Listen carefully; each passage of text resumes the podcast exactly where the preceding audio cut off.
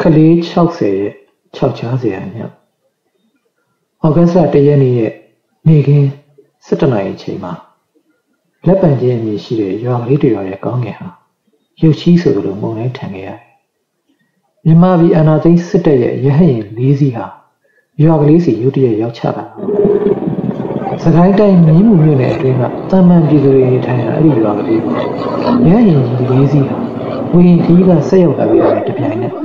စစ်တပ်တွေနဲ့ဝုန်းတိုင်းကျပစ်ခတ်ကြတာ။ဘာအပြစ်မှမရှိပဲသူတို့ကဘာလို့ဒီလိုလာပြစ်ရလဲ။သူတို့ဟာစကိုင်းတိုင်းတုန်းကရွာကလေးဖြစ်နေတယ်။စစ်တပ်ကအာဏာသိမ်းပြီးနောက်ဗမာလူမျိုးတော်လှန်ရေးသမားတွေရဲ့တော်လှန်ရေးအချက်ချာနေရာဟာစကိုင်းမကွေးဆိုတဲ့နေရာတွေဖြစ်ခဲ့တာမဟုတ်လား။အခုလိုလာရောက်ပြစ်ခတ်တာဟာမြန်မာစစ်တပ်ရဲ့ထုံးစံအတိုင်းမတိကျမေးရတဲ့သတင်းတွေပေါ်အခြေခံလို့ဒီလက်ပံချင်းရွာကလေးမှာတော်လှန်ရေးသမားတွေရှိနေတယ်ဆိုတဲ့ သတင်းကြောင့်ဖြစ်နိုင်တယ်လို့တမင်တသက်လက်နက်ဦးတဲ့ဟာလာပစ်သွားတာလည်းဖြစ်နိုင်ပါတယ်လက်ရှိမြန်မာစစ်တပ်အတွင်းကလူတွေစီကထွက်ပေါ်လာတဲ့ပြောစကားတွေအရသူတို့အမြင်မှာပြည်သူဆိုတာမရှိတော့ပဲရန်သူဆိုတာပဲရှိတော့တဲ့အခုဆိုရန်ကုန်လူမျိုးကြီးတွေမှာရှိတဲ့စကိုင်းဒေသခံနဲ့မကွေးဒေသခံအလုပ်သမားတွေကိုသူတို့လုတ်ကင်နေရအလုပ်တွေကဖြုတ်ပစ်ဖို့မြန်မာစစ်တပ်ကဖိအားပေးနေကြောင်းလဲအတိမပြုတ်နိုင်တဲ့သတင်းတွေအရသိရှိရပါတယ်။ အကြောင်းကတော့အဲ့ဒီလိုစကိုင်းမကွေးဒေသတွေဟာမြန်မာစစ်တပ်ပေါ်အဓိကခုခံနေသူတွေကြက်စားရဖြစ်လို့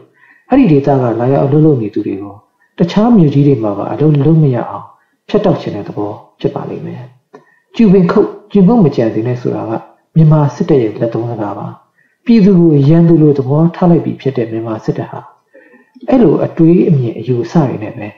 လက်ပံချင်းရွာကလေးစီတမင်လာရောက်တက်ခတ်ခဲ့တာတော့မပြောနိုင်ဘူးပေါ့လေ လေချောင်းကလည်းရောက်ပြစ်ခတ်မှုမှာအပြစ်မဲ့ရွာသား9ဦးပွဲချင်းပြီးတည်ဆုံးခဲ့ရတယ်ဒီနောက်ချက်ချင်းဆိုလိုရောက်ရှိလာတဲ့မြေပြင်ချီမြန်မာစစ်အကြမ်းဖက်စစ်သားတွေဟာ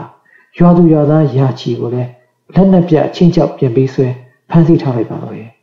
အကြီးတယ်တော့ကတော့အဲ့ဒီလိုအဖမ်းခံရသူတွေထဲမှာကလေးငယ်အယောက်60ကျော်ပါဝင်နေတာပါပဲအဲ့ဒီနေ့ကဒီကလေးတွေဟာရွာရဲ့စာတင်ကျောင်းမှာအေးချမ်းစွာစာတင်နေကြတာပါ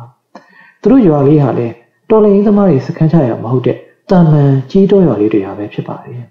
ပြည်သူကိုအကြမ်းဖက်ဖို့သာနှလုံးသွင်းထားတဲ့မြန်မာစစ်တပ်ကတော့ဒါတွေကိုဘာမှပြီးမထားတော့ပါဘူးလက်နက်အားကိုဝေဟင်ကစစ်ဟန်ရင်တွေရဲ့ပြစ်ခတ်မှုအားကိုနဲ့ရွာတဲ့ဒရချမ်းမန်းဝင်လာတဲ့စစ်တပ်ဟာဒေသခံတွေရဲ့တိတ်အိမ်တွေကိုမိရှုရွာသားတွေပိုင်ဆိုင်သောကားငါးစီးနဲ့ဆိုင်ကအစီး30ကျော်ကိုတင်ဆက်ထားလိုက်ပါတော့တယ်စစ်သားတွေဝင်လာတာနဲ့ရွာသူရွာသားတွေဟာအသက်ဘေးကလွတ်အောင်လို့ကစင်ကလေးကထွက်ပြေးကြရှာပေမဲ့ မပြေးနိုင်တာကတော့စာတင်ကျောင်းမှာတင်ကြားနေကြတဲ့ကလေးငယ်တွေပါပဲသူငယ်တဲ့ကလေးအများစုပါဝင်သောကျောင်းသားကလေးငယ်အယောက်60ကျော်ဟာစစ်ကောင်စီရဲ့လက်မှာအမိခံလိုက်ကြရတော့တယ်သူတို့ပါဝင်မပြေးနိုင်လို့အမိခံလိုက်ရရှာတော့ရွာသူရွာသားစုစုပေါင်း100ကျော်ပါတယ်သူတို့ရဲ့ကံကြမ္မာကတော့မတွေးဝင်စရာပါပဲရန်ကုန်လူလူစီကားသောမြို့ကြီးမှာတော့သူတို့ဖမ်းလို့တဲ့မိဘတွေကိုမမိလို့မူဂျိုကလေးငယ်ကိုသူတက်ရောက်တင်ကြရအကြောင်းစီအတင်းဝင်ရောက်ဖမ်းဆီးတတ်တဲ့စစ်တပ်ဟာ အခုဖမ်းဆီးထားသောကလေးငယ်တွေပေါ်မှာလည်းဘလို့မှတရားမျှတမှုပေးမယ်မထင်ပါလက်နက်တွေနဲ့သွေးစာနေတဲ့မျက်လုံးတွေကြားမှာဒီကလေးငယ်တွေဘယ်လောက်များကြောက်ရွံ့တုန်လှုပ်နေကြရှာပါလဲမြန်မာစစ်တပ်ဟာကရင်ပြည်ဒေသမှာအခုလိုဖမ်းဆီးထားသောပြည်သူအယောက်30ကျော်အရှင်လက်လက်မိရှို့တပ်ဖြတ်ခဲ့တယ်လို့ရေဦးဆိုတဲ့ဒေသမှာလည်းအစုလိုက်ပြုံလိုက်မိရှို့တပ်ဖြတ်ခဲ့တာမျိုးတွေကျူးလွန်မှုတဲ့မှတ်တမ်းရှိနေကြပြန်ပါတယ်။ဒါကြောင့်အချိန်မီအသက်ခံရနိုင်တဲ့အန္တရာယ်ကြားကြားရောက်နေရှာသူလက်ပံချင်းရွာသား အပြစ်မဲ့ကလေးငယ်တွေရဲ့ထိတ်လန့်စရာဘောဟာမလွတ်မြောက်မချင်းခြောက်ချားွယ်များတွေများစွာရှေ့လျားနေလေရဲ့။